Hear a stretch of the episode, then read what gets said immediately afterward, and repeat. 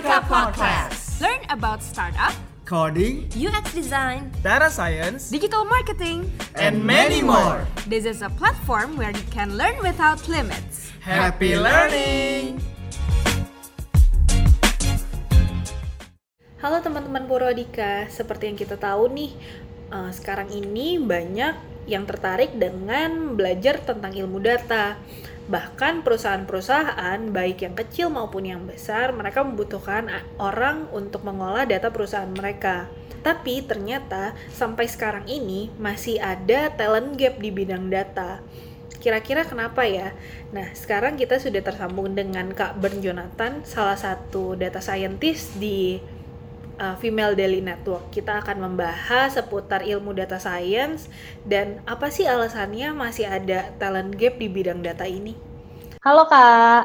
Halo, Kak Mariska. Iya, boleh uh, perkenalan dulu Kak sekarang uh, kerja di mana, terus mungkin boleh share juga ke kita job desk-nya tuh kayak apa gitu. Oke, oke.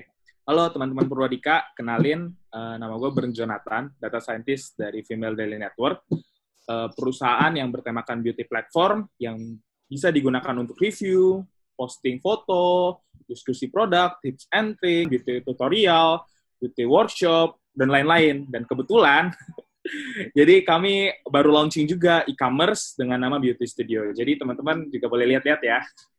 Oke, okay, terus uh, apa sih yang biasanya Female Daily kerjakan untuk kenapa hiring saya gitu sebagai data hmm. scientist? Uh, data scientist di Female Daily itu biasanya kami mengerjakan user behavior, hmm. terus bikin recommendation engine, lalu terus analisis post-post yang di user masukkan ke Female Daily, terus kami olah data-datanya untuk kita bikin user engagement lebih tinggi. Nah, seperti seperti itu. Dan kebetulan kami lagi ada e-commerce dan pasti data scientist-nya bakal lebih banyak lagi kerjaannya nanti. Oh, gitu oke. Okay uh, Kaban sendiri nih udah berapa lama sih berkarir di dunia data kayak gini? Kira-kira kalau saya hitung dari 2018 berarti ya dua tahunan lah kerja di bidang data ini. Kenapa sih Kak alasannya waktu itu mau terjun ke bidang data? Jadi awalnya itu saya uh, belajar data mining tuh di kelas. Nah, terus pas awal-awal itu tertarik nih kan kenal data mining, terus wah interest banget nih, kayaknya cocok banget sama saya bikin kayak cenayang orang cenayangnya IT gitu kan. Yeah, yeah. Oke, jadi bisa bikin sebuah machine learning dari data. Nah, itu saya interest. Terus karena itu dari ketertarikan itu saya explore lagi job-job yang mengolah data mining tuh apa aja sih. Nah, saya kan itu masih baru tuh, masih hmm. berkuliah juga. Tiba-tiba oh ternyata ada job yang namanya data scientist. Nah, akhirnya saya explore lagi sebenarnya skill set skill set apa yang dibutuhkan data scientist. Saking penasarannya, saya belajar-belajar lagi itu data scientist terus gimana uh, bisa dapatlah skill set itu dan cocok dengan saya. Nah, gitu sih mungkin pengalaman singkatnya. Sebenarnya skill set apa sih yang dibutuhin orang-orang nih untuk terjun ke dunia data? Oke, ini menarik nih. Kadang kan memang masih rancu-rancu gitu ya. Biasanya di data analis itu biasanya harus paham Excel juga, Tableau, SQL, baru statistik juga ya bisa. Lalu biasanya soft skill-nya untuk di data analis itu punya sense bisnis sama communication skill. Hmm. Nah, untuk data scientist ini uh, punya skill yang lebih rinci lagi kayak harus bisa programming untuk data seperti Python, R, Scala, MATLAB dan lain-lain. Terus juga paham library khusus karena kan pemrograman data biasanya punya library-library khusus juga untuk mengolah data. Nah, itu harus punya skill setnya juga, karena berbeda pemrograman data tuh beda library yang digunakan. Lalu juga paham SQL, terus yang paling penting sih memang paham ilmu eksak. Eksakta kayak untuk matematika lebih kayak statistik, linear algebra, kalkulus, probability absolutely, dan untuk soft skill-nya biasanya harus butuh communication skill juga, terus sense of business dari perusahaan untuk gimana kita ngebuangin project data science. Nah, untuk data engineer ini lebih banyak. Jadi dan lebih intens lagi. Jadi mereka harus punya paham juga SQL, terus paham database kayak RDBMS, NoSQL, data warehouse, data lake dan lain-lain. Terus ETL tools kayak Pentaho, Initio dan lain-lain juga. Terus bisa bikin pipeline kayak Airflow, Kafka, Azkaban, Luigi. Terus punya basic programming, shell scripting, sama ya basic programming dan shell scripting. Nah, jadi uh, untuk data engineer juga harus paham bisnis proses ya bisnis proses dari suatu perusahaan bagaimana data ini diambil terus bagaimana mereka mengolahnya dan memang butuh communication juga yang cukup ya cukup lah saya bilang. Gitu Oke. Okay. Ilmu data science sendiri itu kan sebenarnya bukan baru-baru ini kan Kak munculnya. Mungkin udah hmm. beberapa tahun ke belakang gitu. Kalau di beberapa tahun ke belakang mungkin masih ada talent gap. Nah, yang aku mau tanya apakah sekarang ini nih masih ada talent gap itu karena kan bisa dibilang nih course tentang data scientist tuh udah banyak uh, wadahnya gitu untuk belajar uh, tentang ilmu data science. Contohnya di Purwadika sendiri kan kita juga punya gitu course-nya gitu ya, Kak. Cuman apakah hmm. ini sudah memenuhi talent gap yang ada di pasaran atau gimana menurut Kaban sendiri? Nah, jadi uh, kalau data talent gap memang banyak sih ya alasan-alasan uh, kenapa bisa dibilang ada talent gap. Ini umum sih untuk bidang-bidang lain juga. Jadi memang ada data talent gap. Apa yang dipelajari sama di universitas atau kita pelajarin di sekolah itu jauh berbeda dengan di perusahaan atau company kita tempati kita tempati untuk mengolah data ataupun kita bekerja. Itu yang paling paling signifikan mempengaruhi data talent gap itu itu. Hmm. Karena memang sense dari seseorang untuk mengetahui apa sih tim data, ngapain aja, itu masih kurang dan belum benar-benar ada dari universitas. Pas saya masih kuliah mungkin uh, untuk sekarang udah udah improve ya. Memang uh, banyak juga kurang pelatihan dan juga memang dari pribadi orang itu sendiri faktor yang paling mencolok memang di kuliahan. Terus sorry to say, mungkin pelajaran yang kita pelajari apalagi bidang tech itu kurang up to date. Hmm. Dan dengan kebutuhan pasar yang ada dan ada juga nanti dari kemauan orang juga terus bagaimana menangani uh, keminatan orang itu mengerjakan sebuah uh, pekerjaan data nah, itu sih mungkin berarti sebenarnya skill set apa sih yang dibutuhin sama pasar nih karena kalau tadi kita udah bicara skill set umumnya nih uh, mungkin course yang ada uh, wadah yang ada untuk uh, mempelajari semua itu tuh mungkin udah ada nih skill set skill set umumnya. Mereka udah mempelajari skill set umumnya. Tapi sebenarnya yang dibutuhkan pasar tuh skill set lebih ke mana sih kak gitu? Untuk skill setnya uh, untuk data analis biasanya itu membutuhkan bisnis bisnis and communication dan juga paham sedikit statistik.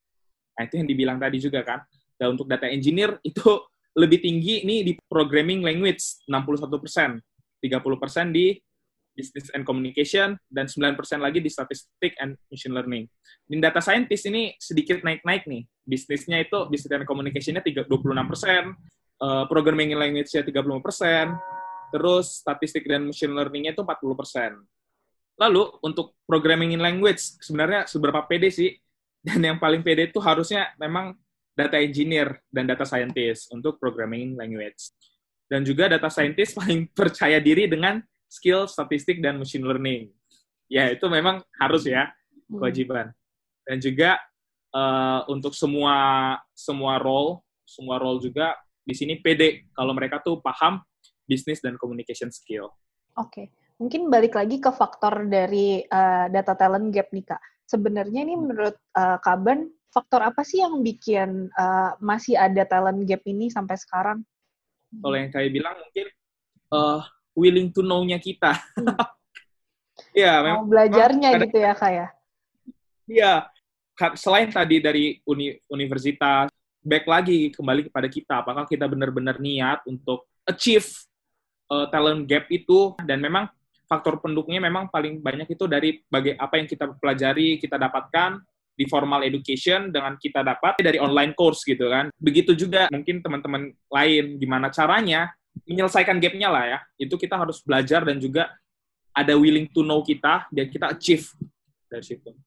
Oke, kalau gitu boleh nggak sih Kak, uh, Kaben nih sharing gimana sih pengalaman Kaben dulu waktu masuk terjun ke dunia data yang uh, tentunya itu juga salah satu tindakan untuk mengisi si talent gap ini kan. Uh, jadi memang uh, dari dulu yang tadi saya bilang kan saya tertariknya dari kelas data mining, terus kepo, belajar sendiri, explore lagi. Lalu dari skill set skill set itu saya nyari internship. Nyarinya tuh juga lumayan susah karena saya belum ada background apa-apa uh, untuk data, tapi gimana caranya saya dapat? Itu saya bikin portofolio yang bagus. Jadi memang untuk mengatasi data, data talent gap itu selain kita udah belajar, bikin portofolio. Belajar itu kurang cukup kalau belum ada bukti gitu, Iya. nggak ada efeknya. Nah gitu sih. Itu mungkin yang dari uh, pengalaman saya ya.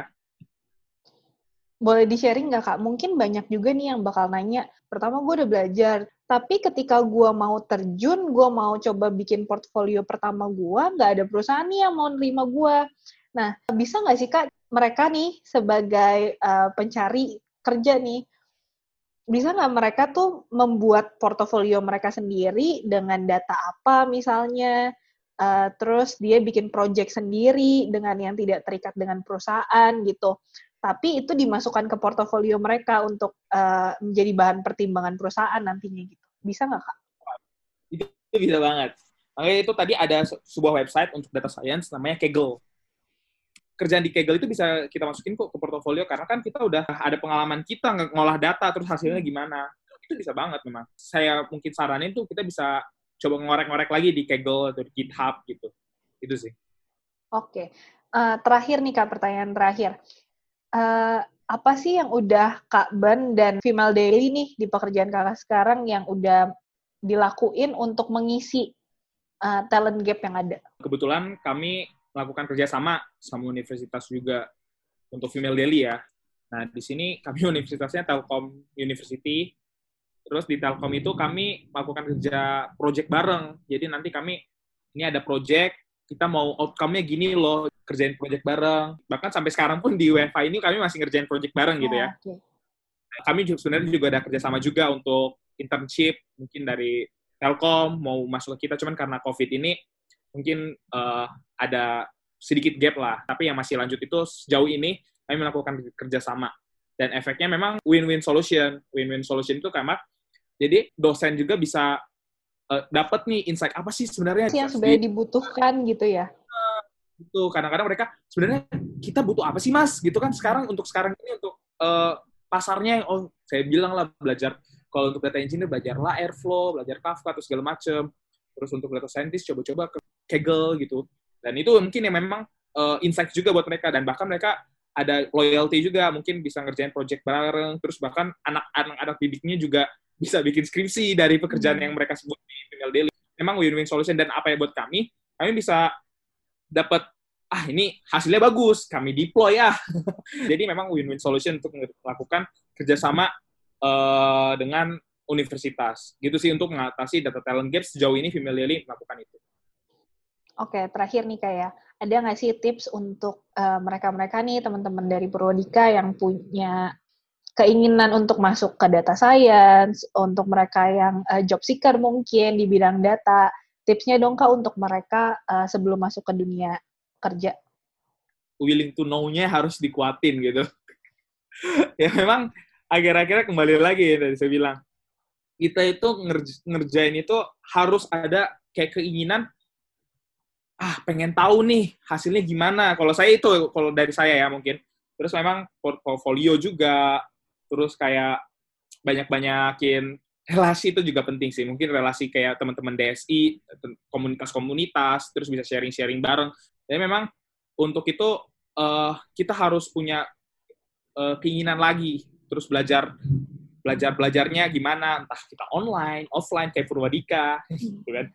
Itu sebenarnya kembali lagi ke kita, apakah kita benar-benar sanggup menyanggupi talent gap itu agar kita bisa dapat, kita selesaikan gap itu dan bisa bekerja di bidang data Nah, itu kembali lagi memang kepada kita bagaimana kita menyiasati karena berbagai orang pasti caranya berbeda gitu ya. Hmm. Kalau dari cara saya, saya keinginannya terus bagusin portofolio. Cuman mungkin teman-teman punya cara tersendiri itu juga bisa bagus gitu. Cuman kalau dari saya seperti itu sih. Oke deh, kalau gitu thank you banget nih Kak udah mau sharing-sharing sama kita. Thank you atas waktunya. Mungkin segitu aja untuk teman-teman Purwadika. Thank you Kak. Thank you juga Mbak Kamariska. Iya. Thank you for listening Purwadika Podcast. Don't forget to follow to keep up with our upcoming episodes. See you and have a great day.